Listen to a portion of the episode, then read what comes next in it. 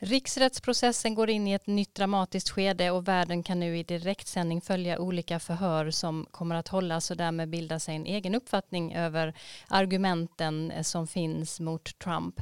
Trumps egna rådgivare har sagt att vad presidenten måste göra nu är att se till att fokusera på allt han har åstadkommit under sina tre år. I dagens poddavsnitt fortsätter vi där vi slutade senast just kring vad Trump faktiskt har gjort och inte gjort under sin tid vid makten. Vad har han egentligen att visa upp för sina väljare? Men vi pratar framför allt om populism och vilken roll Trump spelar för olika populistiska framgångar i olika delar av världen. Martin Gelin gästar podden och kommer tillsammans med Erik Åsad prata om sin nyutkomna bok i ämnet. Karin, eh, någonstans i Sverige befinner hon sig. Dag eh, i Stockholm och själv sitter jag i Halmstad med lite tända ljus och varmt kaffe för att skapa lite stämning här i min ensamhet i studion. Välkomna till ännu ett avsnitt av Amerikaanalyspodden. I have a dream that one day this nation will rise up and live out the true meaning of its creed. This is a place where you can make it if you try. This is a country where anything is possible, no matter who you are. We do big things. Together, we represent the most extraordinary nation in all of history. What will we do with this moment? How will we be remembered? Ja, vi sitter som vanligt i olika delar av Sverige och världen och spelar in den här podden via telefon och idag har vi dessutom vår första gäst med oss i podden. Vad kul att eh, du kunde vara med Martin Gelin. Du är välkänd för alla som lyssnar, är jag helt säker på. DNs New York-korrespondent eh, sedan många år och författare till flera böcker nu tillsammans med, eller senast tillsammans med Erik Åsad. Förutom den nya boken, vad gör du just nu? Ja, jag fokuserar väl egentligen mest på Demokraternas primärval. Eh, en, en liten paus från eh, Trump-fokus eh, de senaste åren här. Um, det, det är ju lyckligtvis ett intressant och, och turbulent eh, primärval som pågår. Mm. Jag måste passa på att fråga dig den lilla nätta frågan när du nu är med oss här. Vad, vad gör du för reflektioner kring, kring allt som händer politiskt i USA just nu? När det gäller riksrätten. Ja, kan du ta så, som ja, ett exempel? Det, ja, um, jag menar det är ju, det är ju, det är lätt att bli avtrubbad av, av eh, den, den konstanta flödet av, av skandaler och kontroverser de senaste åren. Men, men, eh, men det är förstås historiskt det som händer nu. Sen om det har några konsekvenser politiska konsekvenser vet man inte. Men det kan ju, jag tycker det är viktigt att, ni är ju generellt ganska bra på det också, att hålla isär de de på något sätt konkreta substansen i de här anklagelserna från, från eh, vilka spekulationer om vilka politiska konsekvenser det får. För det vet vi inte, ingenting om än och där är det inte, inte säkert att det får några konsekvenser alls. Nej.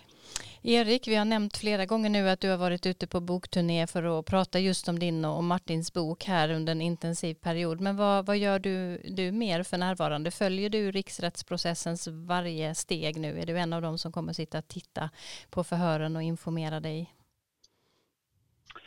Ja, det kommer jag väl att göra. Det är svårt att inte göra det med tanke på att det här är som Martin sa, det är ju historia som skrivs här nu. Det är bara eh, några gånger tidigare som det här har hänt, eh, att man har haft eh, president som förmodligen nu kommer att ställas inför riksrätt. Så det upptar ju mycket av tiden.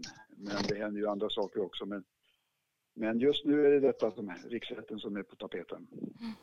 Karin, du är inte på plats i DC just nu, men du eh, åker ju lite fram och tillbaka där. Kommer det finnas någon chans för dig när du är där, om, eh, så länge de här utskottsförhören eh, håller igång, att komma in och lyssna på, på plats? Ska du, ska du försöka det, eller hur, hur ser det ut? Ja, ja, det är det ju naturligtvis. Det är ju en fråga om vad är akkreditering till kongressen, men det, man får tänka sig att det förmodligen är lång kö och eh, förhandsanmälan krävs och så vidare. Då kanske en liten svensk kommer sist. Men jag tänkte också bara påpeka att vi har ju vår blogg också, amerikaanalys.se och där skrev jag vad vi kallar för förhands, lite grann om, om bakgrunden till det här. Just det, men just nu i den här processen så krävs det alltså att man är akkrediterad och att man får en, en tillåtelse att komma in på förhören, är det så? Ja. ja. Eh, för att annars i många lägen när det sker eh, förhör i olika utskott i, i kongressen både i senaten och eh, representanthuset så kan man ju faktiskt komma som allmänhet och som vanlig person för att lyssna på olika utskottsförhör. Och det är ett tips för folk som åker till Washington faktiskt tycker jag att göra det när de är öppna för allmänheten. Absolut, ja, men det här är säkert, de, de, måste säkert avsätta ett visst antal platser för allmänheten men förmodligen är det det minsta möjliga just nu och för allmänheten då så, så får man nog vara väldigt tidigt för att komma in. Mm. Men annars är det som du säger, det är en jättebra idé att få en känsla för hur det går till i amerikansk politik och gå dit. Ja. Eh, Dag, jag vet att du undervisar väldigt mycket just nu. Har du tid över för någonting annat i höstmörkret? Ja, lite får man väl ha tid med. Jag kom just från en lektion med studenter där vi talade om eh, elektorskollegiet. Och det är ett eh, ämne som kan leda till långa, långa diskussioner. Ibland får jag säga nu får det avancerade seminariet om elektorskollegiet ta paus. För det är svårt för de svenska studenterna att förstå egentligen varför elektorskollegiet finns och hur det egentligen fungerar. Mm. Eh, själv går jag också in i en intensiv fas av författande just nu också och håller på med en eh, bok som, om USA som är väldigt rolig att skriva tillsammans eh, med en annan person som jag inte avslöjar just nu. Men eh, det kommer definitivt att göra det svårt för mig att följa med i detalj allt som händer i de här förhören nu, vilket eh, kommer att bli ett problem. Jag anar att jag kommer att eh, eh, tjuvtitta då och då i alla fall, för att det är ju faktiskt en oerhört historisk händelse som ni alla har påpekat. Nåväl, jag tycker att vi kör igång med dagens fördjupningstema.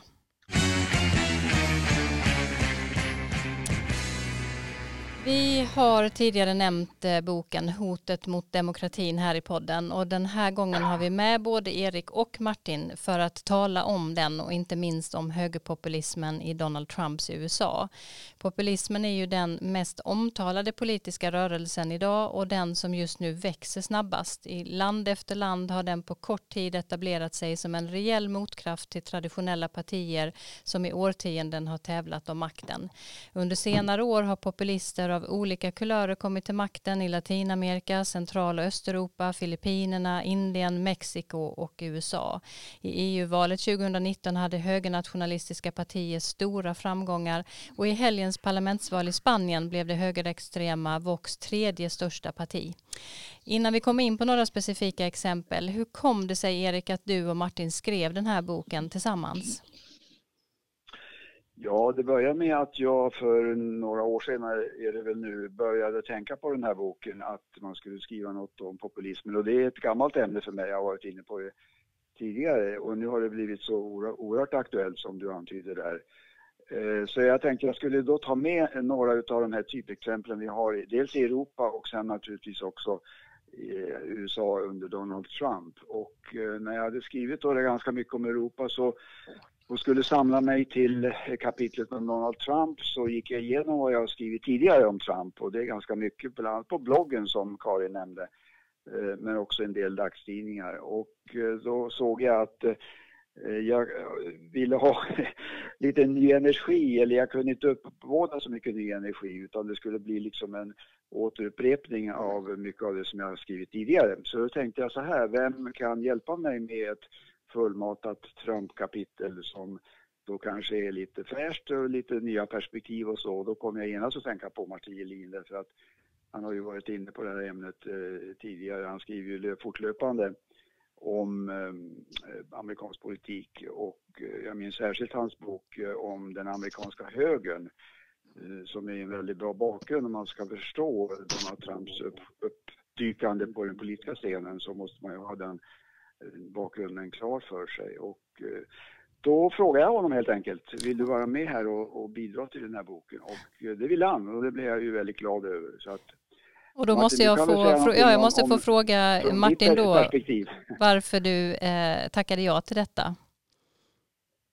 Ja, nej, men det var ganska lätt för mig. Jag har alltid haft den största respekt för, för, för Eriks, eh, det Erik skriver och han jag skrev min första bok om Barack Obama för, för snart tio år sedan, så, eller mer, mer än tio år sedan faktiskt, så äh, minns jag att Erik recenserade den och var mestadels positiv, vilket betyder väldigt mycket för mig. Men han avslutade även recensionen med med lite konstruktiv kritik och, och några små faktafel. Så sedan dess har jag försökt att skicka böckerna till Erik innan de publiceras istället för att eh, mm eh, låta honom kritisera dem efteråt. Så att han hinner helt enkelt gå igenom och se till att inte göra ut något fel. Det, det är få personer som kan mer om, om amerikansk politik. Så det var en ära att få samarbeta. Mm. Eh, jag har fått boken och jag har redan läst delar i den. Eh, det är ju en jätteviktig bok på, på många olika sätt. Eh, ordet populism anses ju av många vara vagt och oprecis. Finns det någon allmän accepterad definition av begreppet, Erik? Nej, inte någon allmänt accepterad. Det tillhör de där begreppen som är väldigt omstridda och eh, vi har inte egentligen gått in så mycket på definitionsfrågan utan nöjt oss med att eh, specificera att det finns två huvudformer utav populism. Det är då höger och vänsterpopulism, eh, grovt utsagt. Och sen finns det ett antal gemensamma drag och ett antal drag där de skiljer sig åt de här två huvudformerna. Man kan ju säga då det som förenar dem det är dels att man upphöjer folket eh, och ser upp till folket eller vördar folket fast man menar olika saker med folket eh, egentligen. I, vänster, I vänsterns mening så är det snarast eh, inkludera, har man mer inkluderande begrepp när det gäller folket medan eh, högern eller högerpopulismen har det mer avgränsat där man det är liksom det genuina ursprungliga folket som man lyfter fram där. Och sen har man en gemensam syn på, eh, eh, eller man, man pekar ut eliten som den stora fienden. Och där menar man egentligen olika saker med eliten. Eh, vänster menar oftast finanseliten, de som har makt inom politik, näringsliv och så medan högern gärna ser till eh, medier och akademier och universitet och sådana, sådana saker.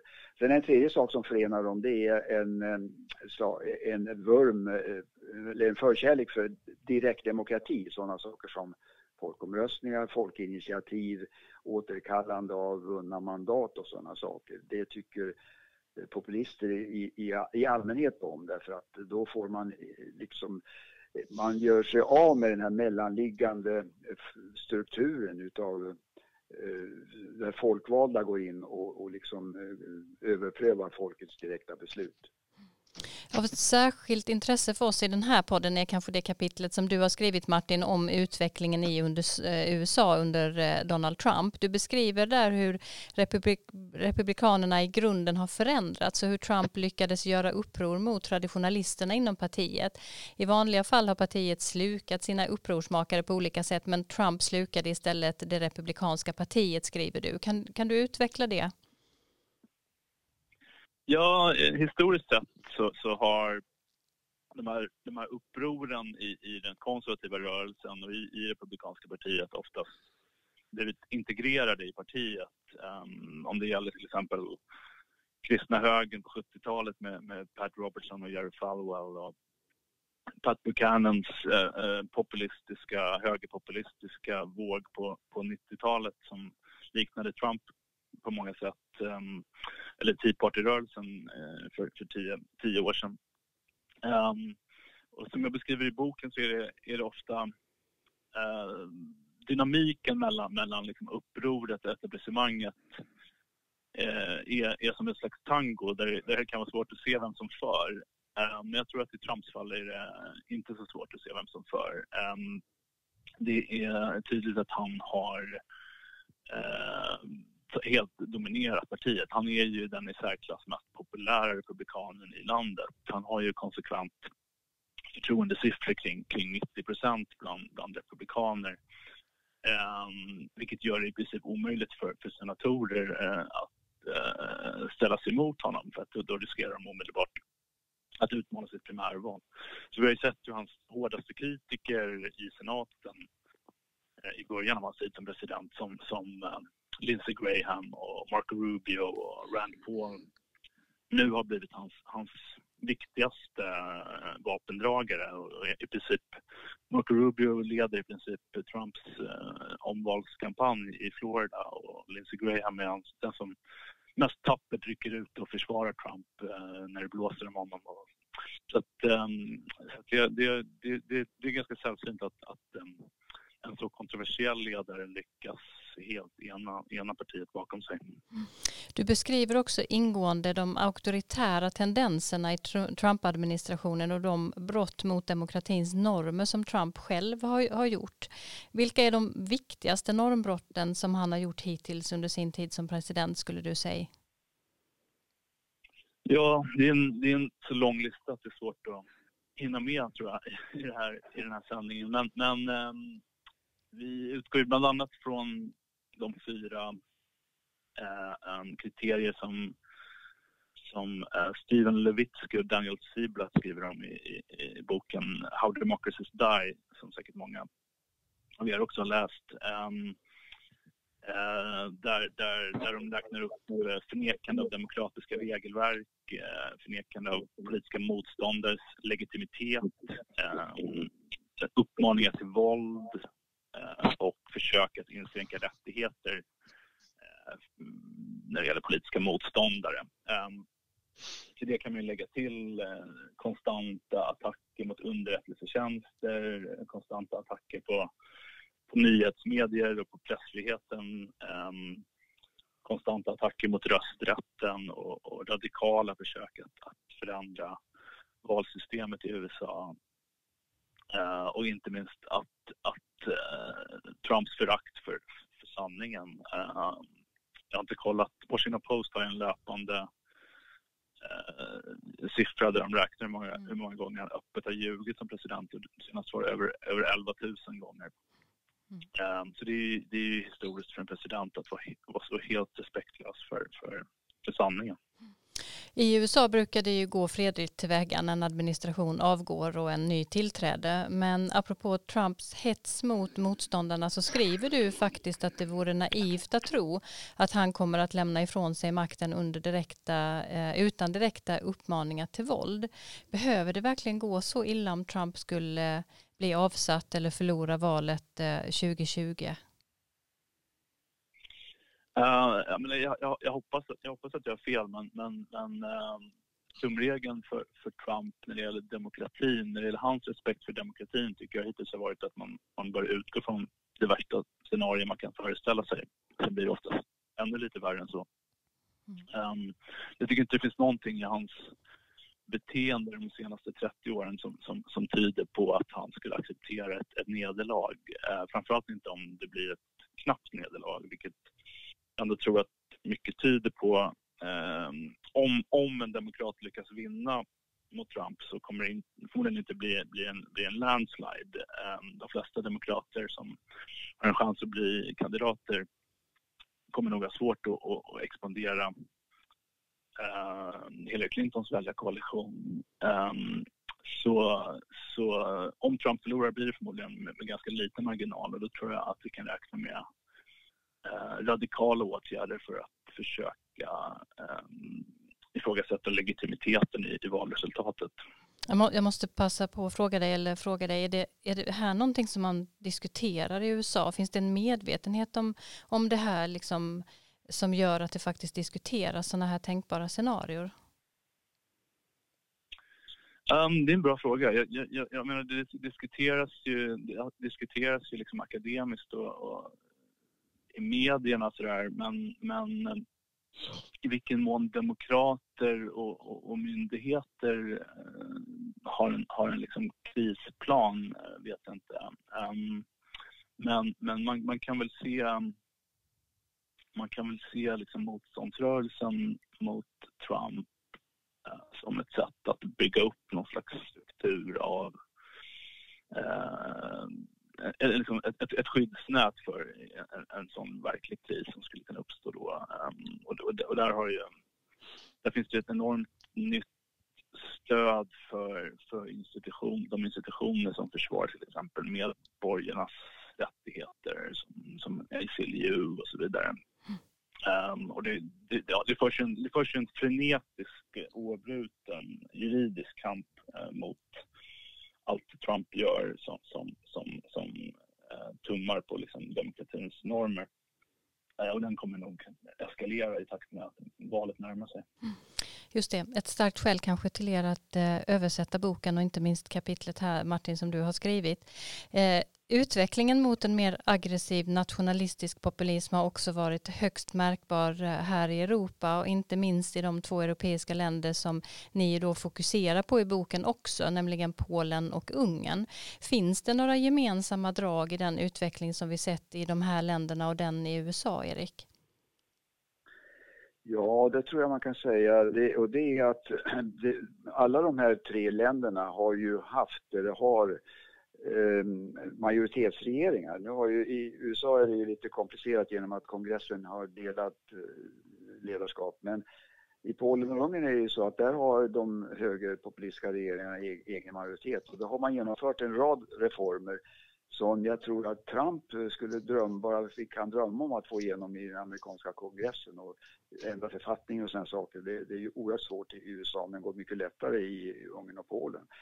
Eh, men vad man, vad man, kan säga gemensamt är också att man, man har attackerat eller kritiserat sådana saker som Martin var inne på här, alltså domstolsväsendet, medierna, ämbetsmannakåren inom myndigheter och departement. Det har varit genomgående tror jag i alla de här tre länderna. Det är saker som eh, verkar i högerpopulistiska ledare eh, har en väldig aversion emot därför att de står liksom som, som hinder i deras argumentation, direkt argumentation som de vill ha med folket. Och då vill vi inte ha någon mellanliggande led där som tar bort eh, Ehm, deras, kraften i deras utsagor så att säga. Så att det, det, det, där finns det gemensamma punkter. Sen finns det också en, tror jag, en gemensam snäv definition i de här länderna, ledarskapen där, av vad folket innebär för någonting. Man ser folket som någonting ursprungligt, någonting genuint och de som har kommit och så att säga på senare tid eller under, i modern tid eh, som har invandrat till exempel, eh, ofta migranter, eh, invandrare av olika slag, ehm, de tillhör inte egentligen medborgarkåren, medborgarna i samhället utan det är ju sådana människor som, och grupper som man går till ständig attack mot. Eh, det tycker jag är, är, är, klart gemensamma saker. Sen skiljer sig de här länderna åt på det sättet att eh, utvecklingen i auktoritär riktning har ju gått mycket längre i Ungern och Polen hittills än vad de har gjort, vad de har gjort i USA.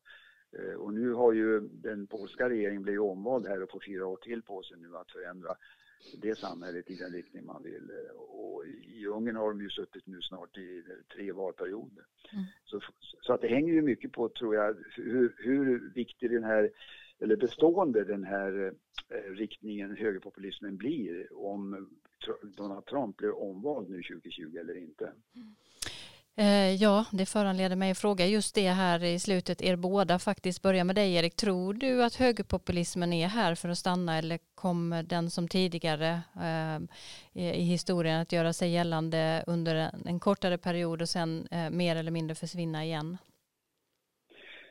Jag tror att den är här för att eh, stanna under överskådlig tid. Och det beror på att de sakfrågor som den eh, lever på, som den drar nytta av, det är, det är ju framförallt immigration, eh, invandring, eh, det är muslim, antimuslimsk retorik, eh, brott och straff. De kommer att fortsätta att vara på, högt på agendan i många länder och det är, det, det är de frågorna som man profilerar på. Och så länge de finns alltså högt på agendan och som det är reella problem också i många länder så kommer den här rörelsen att finnas kvar och de här partierna att finnas kvar. Vad säger du Martin eh, i relation till USA? Läser man ditt kapitel så får man en, en verkligen en, en, dyster och problematisk bild av utvecklingen. Kommer den, den här populismen, högerpopulismen att eh, finnas kvar för lång tid? Ja, jag tror nog det. Um, det jag, jag, jag, jag, tror att precis som, som, som Erik påpekade så, så de här liksom övergripande samhällstrenderna är, är Eh, kommer fortsätta gynna högerpopulistiska ledare. Eh, I USA så är det ju många prognoser som, som, som säger att 2040-talet så kommer vita bli minoritet i USA. Och det är ju liksom implicit ett, en av drivkrafterna bakom, bakom Trumps eh, rörelse. Och jag tror att motsättningarna där kommer, kommer fortsätta tillta. Samtidigt, samtidigt så um, har ju, jag menar, just den demografiska utvecklingen ser annorlunda ut i USA än i Europa. Så det tror jag ger mångfalden är lite svårare att, att kriga emot i USA helt enkelt. Att, att USA skulle någonsin gå tillbaka till någon slags idé om att enbart vita amerikaner var riktiga amerikaner, det, det är helt enkelt orealistiskt. Så så att jag tror att högerpopulismen här kommer kanske muteras och handla mer om motsättningar mellan män och kvinnor och, och, och, och, och liksom, eh, hur, hur det slår ut sig på ar arbetsmarknaden och ekonomin och sådär. Eh, på sikt känns det svårt att se att någon, en politiker ska kunna vinna demokratiskt val på, på en politik som, som demoniserar hälften av eh, befolkningen. Och så får vi hoppas att eh, vi inte får några våldsamma sammandrabbningar på vägen där. För det är ju också en, en risk givetvis när eh, spänningarna ökar allt mer. Boken Hotet mot demokratin finns ute i bokhandeln nu och är kanske inte den roligaste boken att ge julklapp till någon men kanske absolut en av de viktigaste. Missa inte att slå in ett ex eller två och dela ut till någon ni känner i jul och köp den till er själva. Tack så hemskt mycket Martin Jelin för att du tog dig tid att vara med här idag och prata om det här högaktuella och viktiga temat och eh, nu får du återgå till eh, riksrättsprocessen eh, som du ju bevakar. Tack så mycket.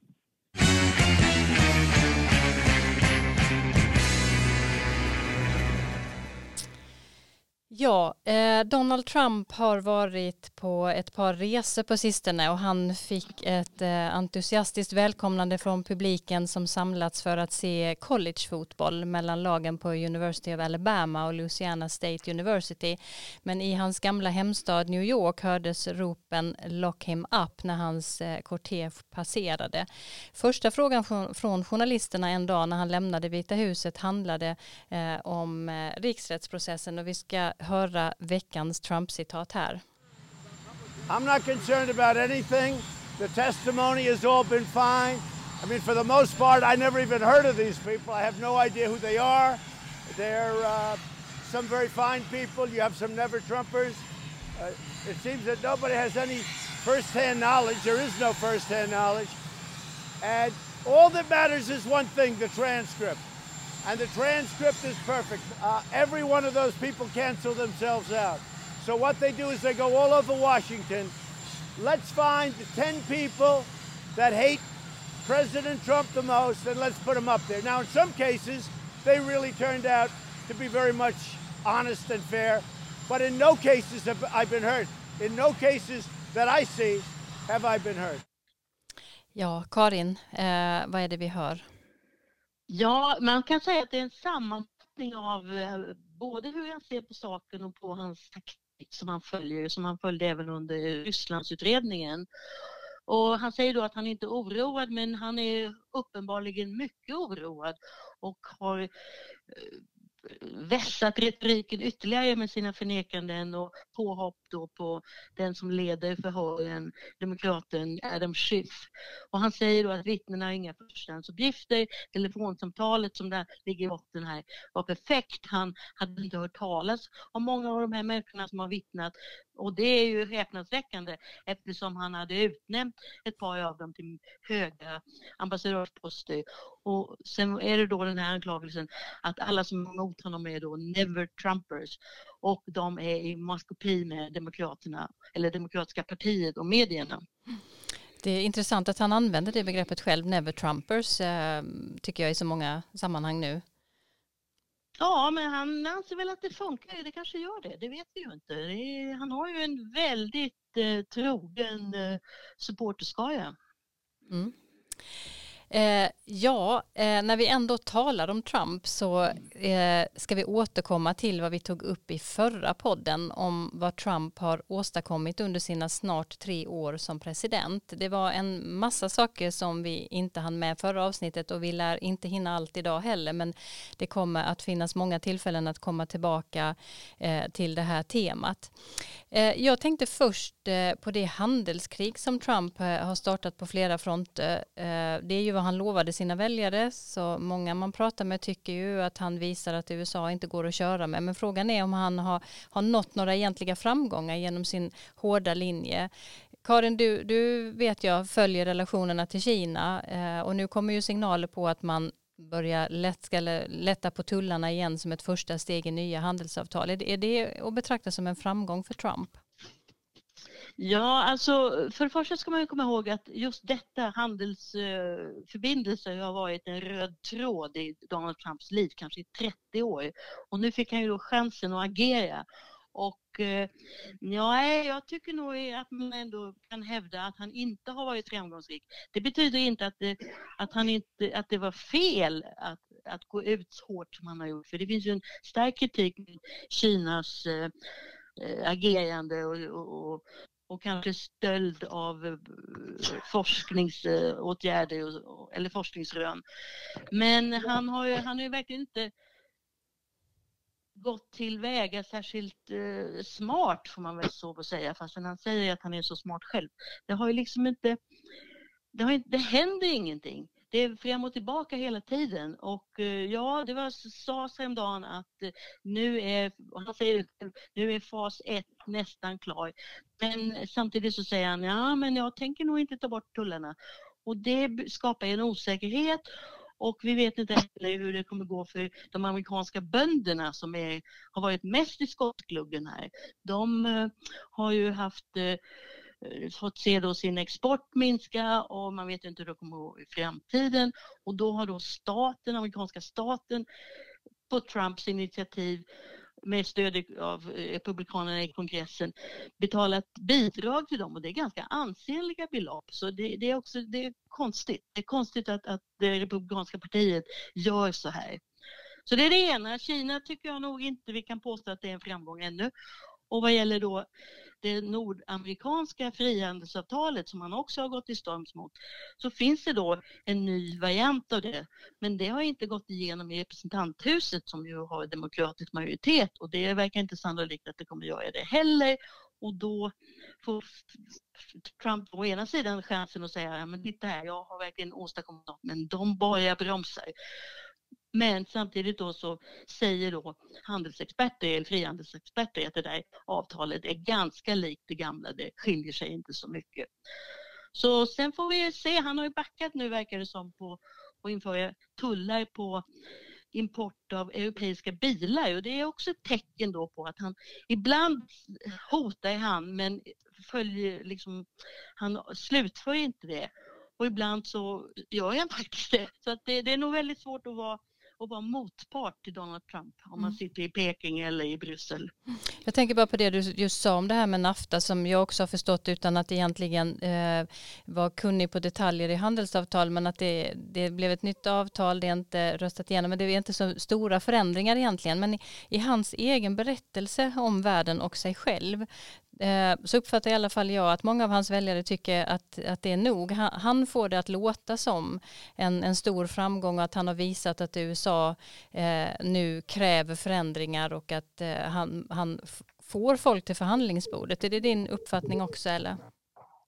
Nej, jag tycker det är en jättebra, ett jättebra argument du framför dig. och det är ju det som är liksom problemet nu för experter, bedömare, observatörer de har inte samma megafon som Trump har. Det finns ju genomgångar av att eh, nej, han har fel, det är inte fullt så långtgående som han säger, det har inte gått igenom ännu, men det får inte samma genomslag.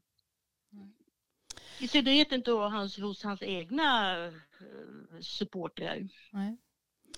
Eh, Erik, eh, Trump använde ju sig av eh, slagfärdiga slogans och, eh, och vallöften. Han, han drev ju faktiskt en, en, väldigt effektiv kampanj som plockade upp mycket av olika känslostämningar som, som fanns i olika delar av USA och, och olika grupper.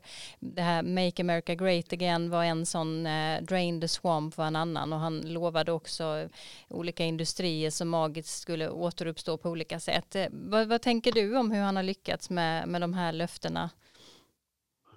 Ja, han har ju lyckats med retoriken kan man säga, för det där har ju blivit eh, termer eller slogan som, som alla känner till. Men det är ju liksom inte vallöften som ska uppfyllas. Det är att eh, dränera träsket till exempel, hur gör man det? Eh, och, och, och lika med det här med Make America Great Again. Man kan ju och samma med, det här med de industrierna som skulle återuppstå, kolet och stålet. Eh, och plötsligt magiskt skulle det komma tiotusentals nya jobb. Det, inget av det där har vi ju, har vi ju sett till. Det, det är liksom, på den nivån så, så har det ju inte hänt någonting. Sen, en, en reform som han faktiskt har fått, i, fått igenom och som har där han fick stöd av rätt många demokrater, det är ju reformeringen av kriminalpolitiken. Jag tycker man kan nämna det. Det var ju för knappt ett år sedan som den gick igenom eh, i kongressen. Eh, det är en lag som heter The First Step Act. Eh, antogs i december i fjol och som innebär en del, det är ganska begränsade reformer då inom det federala fängelsesystemet. Till exempel så det innebär större rättigheter för anställda inom det systemet och för fångar som lider av obotliga sjukdomar till exempel och kan släppas fria i i förtid och fångar som sköter sig kan få strafftiden förkortad. Så det, det, är på den nivån ungefär som det är. Men han har använt det faktiskt några gånger nu har jag sett på slutet här när han vill eh, få stöd utav minoriteter, inte minst från svart håll, från de svarta förlåt. Eh, och då, eh, där har han ju oerhört eh, begränsat stöd bland de folkgrupperna.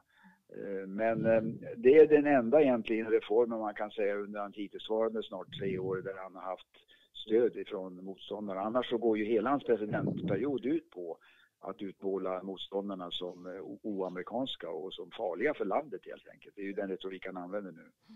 Jag vet inte hur mycket vi kommenterade det i förra avsnittet men eh, det var ju något område där han verkligen har levererat till republikanerna under de här åren är ju att eh, eh riva upp olika typer av eh, beslut som, som eh, Obama införde framförallt olika executive orders på miljöområdet, miljöregleringar och annat sånt. Har du någon kommentar till det Karin? Ja, det är ju någonting som fortsätter. Det finns nya uppgifter om att eh, det, det är då vad man ska liksom, eh, vad ska man kalla det för, eh, lindra eh, liksom lindra kontrollen av hur de här eh, reglerna följs. Då kan man kanske säga å ena sidan att det är ju reglering är nog kanske lite snårigare och tuffare kanske i, i USA än vad de är här i och med att det finns så mycket jurister som ständigt är ute och överklagar. Men samtidigt är det ju definitivt brott mot trenden i, i alla fall i Europa med skärpt eh, miljötänkande och det blir väl kanske en valfråga, kan vi i alla fall hoppas att det blir. För att USA var ju på rätt väg på många sätt och nu det, är det liksom backen i. Och USA behövs ju som en ledande kraft i den omställning som enligt alla experter på miljö och klimatområdet säger att vi måste göra. Um, Visst, och USA på egen hand är ju också drabbat alltså, mm. av liksom, kusterna håller på att erodera och havet äter sig in och så vidare. Mm. Ja, utrikespolitiskt så lovade ju eh, Trump eh, en massa saker, inte minst att han skulle vara oberäknelig, han skulle öka USAs försvarsförmåga men han absolut avhålla sig från att eh, involveras i långdragna krig. Snarare skulle han ta hem eh, och minska trupper eh, som han såg som kostsamma. Han lovade att dra sig ur Iranavtalet, sätta press på NATOs medlemsländer och, och eh, på olika sätt i hans, som han såg det göra USA till vinnare igen. Eh, bland annat då genom att dra sig ur dåliga avtal som han pekade ut, bland annat Parisavtalet och de avtal som Karin har pratat om redan. Eh, att prioritera amerikanska intressen men då utan hänsyn eh, tycker jag att konsekvensen är till tidiga internationella strukturer.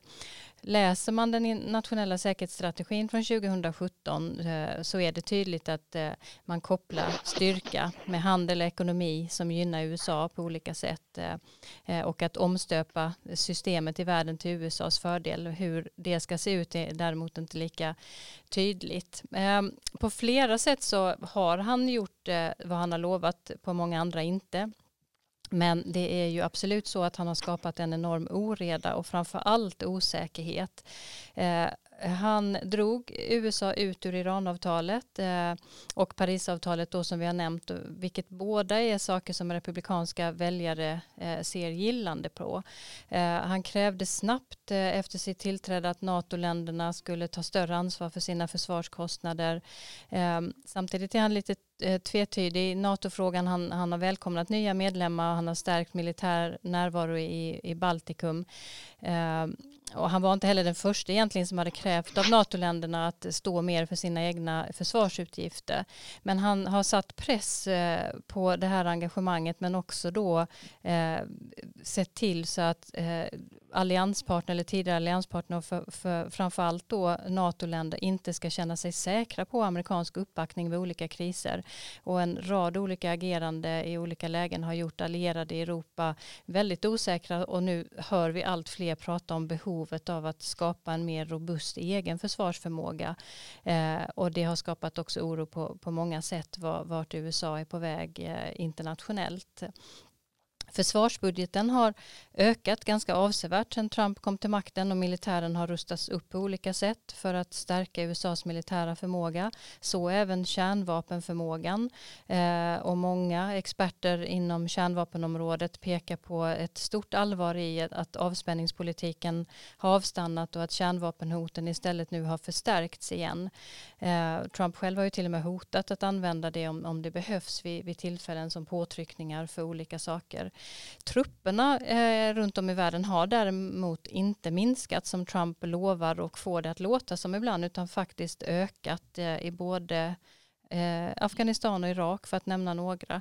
Och när han valde att dra ur trupper från norra Syrien så var det kanske mer ett exempel på en, en illa överlagd strategi eh, som saknar konsekvensanalys och eh, att just göra eftergifter för Erdogan än att det var ett exempel på att han, han faktiskt minskar trupper ehm, på det stora hela.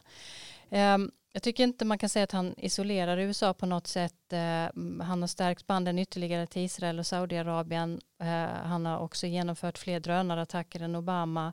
Eh, men det allra viktigaste och tydligaste är att peka på tycker jag är att han skapar en så stor osäkerhet på olika håll och att han uppenbarligen fascineras av auktoritära ledare och inte alls respekterar allierade eh, med, och med utgångspunkt då tänker jag på med vad Martin just talat om och som han beskriver i sitt kapitel så placeras ju detta in i en, en allt starkare nationalism som brer ut sig och eh, eh där han eh, inte alls eh, ser till eh, styrkan i internationella institutioner utan uppfattar att USA ska föras in och positionera sig i en helt ny logik.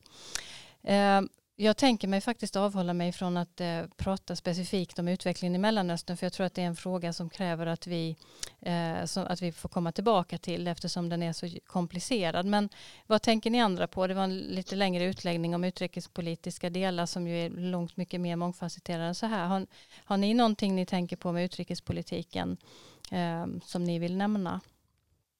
Erik till exempel. Ja, det är ju många trådar där eh, som du tar upp.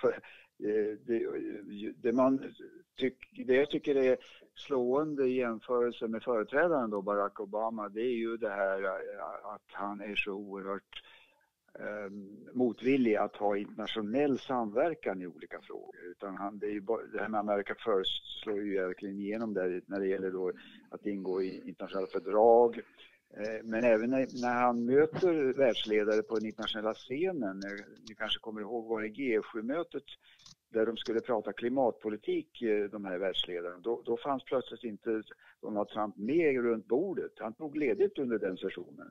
Och det säger ju väldigt mycket om hans eh, syn på klimatfrågan. Han är ju klimatförnekare kan man säga, men samtidigt också på hur lätt han tar på internationellt samarbete. Så att det tycker jag, det, det är en slående förändring tycker jag jämfört med Obama. Mm.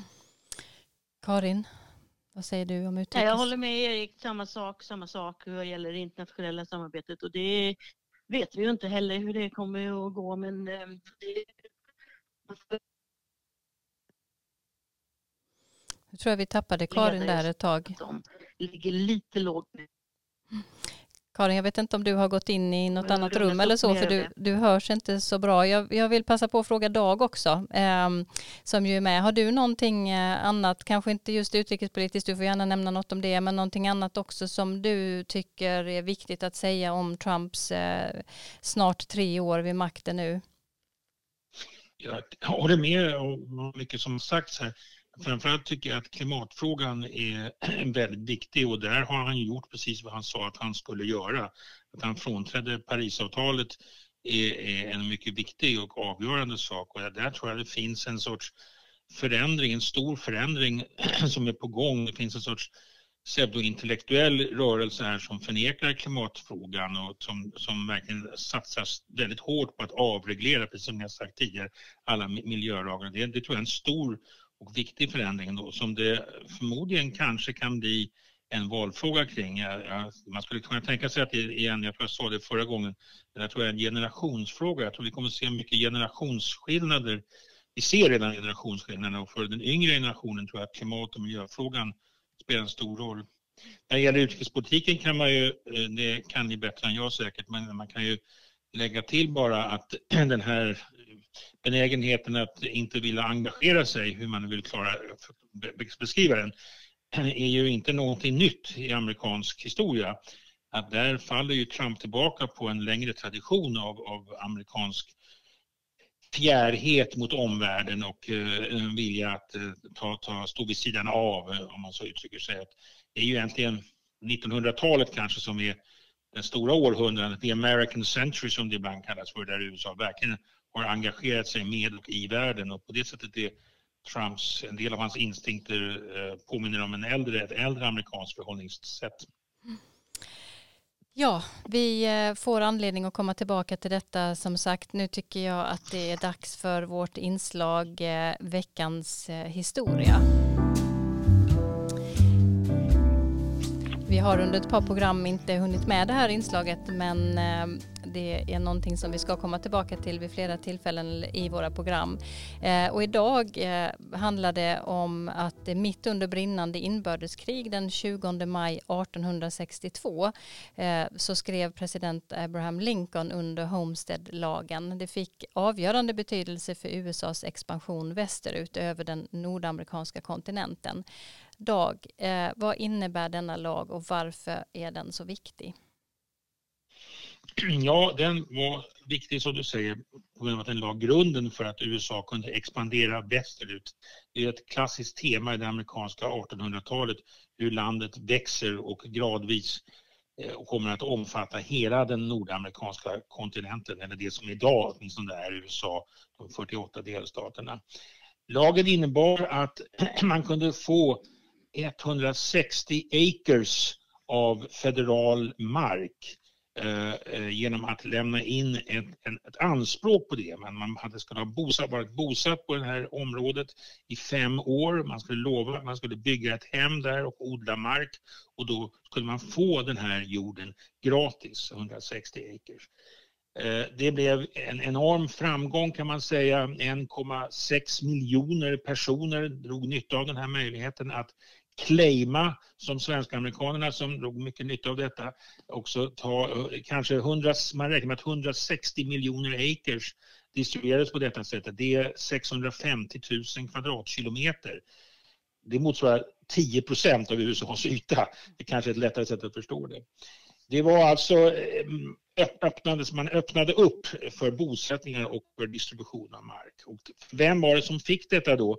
Skulle det vara småbrukaren eller skulle det vara den stora plantageägaren? Det var en klassisk stridsfråga i amerikansk historia. Och här blev det då, svaret var med Lincoln förstås som stod på småbrukarnas sida, att det var småbrukarna som skulle kunna expandera ehm, dra nytta av det här och delta i den här expansionen. Och så skedde också. Både folk från USA, från östkusten som flyttade västerut, men även många invandrare som kom från Europa och inte minst skandinaviska invandrare till mellanvästern som kunde verkligen gynnas av detta. Man ska också poängtera att samtidigt som det här är då ett sätt att befolka USA och expandera USA så är det också en del av fördrivningen av ursprungsbefolkningen. Allt sedan The Indian Removal Act 1830 hade ju indianerna tvingats västerut allt eftersom landet expanderade eh, systematiskt och under stora problem och under stora um, umbäranden. Och hela 1800-talet handlar ju om, delvis om hur USA hanterar sin ursprungsbefolkning och fördriver dem, krigar dem mot dem och placerar dem i speciella reservat. Och man kan säga att den här fördrivningen från de här landområdena gjorde att man kunde öppna upp dem för bosättning av de vita. Det finns en linje i amerikansk historia som numera kallar det här för en sorts kolonialism, en sorts bosättarkolonialism. USA ville ju inte ha kolonier, det var, USA var ju en koloni själv som bröt sig loss från Storbritannien och därför skulle USA inte ha kolonier.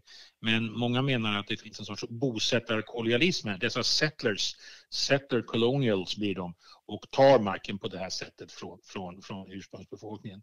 Och om vi minns, det gör vi ofta, Karl-Oskar och Kristina, de arketypiska svenska bosättarna på Minnesotas landsbygd. Det finns en scen i Mobergs berättelse där en tidig svensk invandrare, en trapper, som anklagar Karl-Oskar för att han har stulit den mark han har, eh, som han har tagit då och bosatt sig på och odlat upp så framgångsrikt. Han säger du lever på stulen jord Karl-Oskar. Det är indianernas mark från början. Och Karl-Oskar blir oerhört upprörd och, och säger att det är absolut inte, jag har betalat för det. Han hade inte fått inom omställning. han kom tidigare, men jag har betalat för det här marken och det här är min mark. Men det illustrerar dynamiken i den här processen. På ett sätt en klassisk och mycket välkänd historia i USA hur landet expanderar, men också på ett annat sätt en klassisk historia där indianerna, ursprungsbefolkningarna, fördrivs.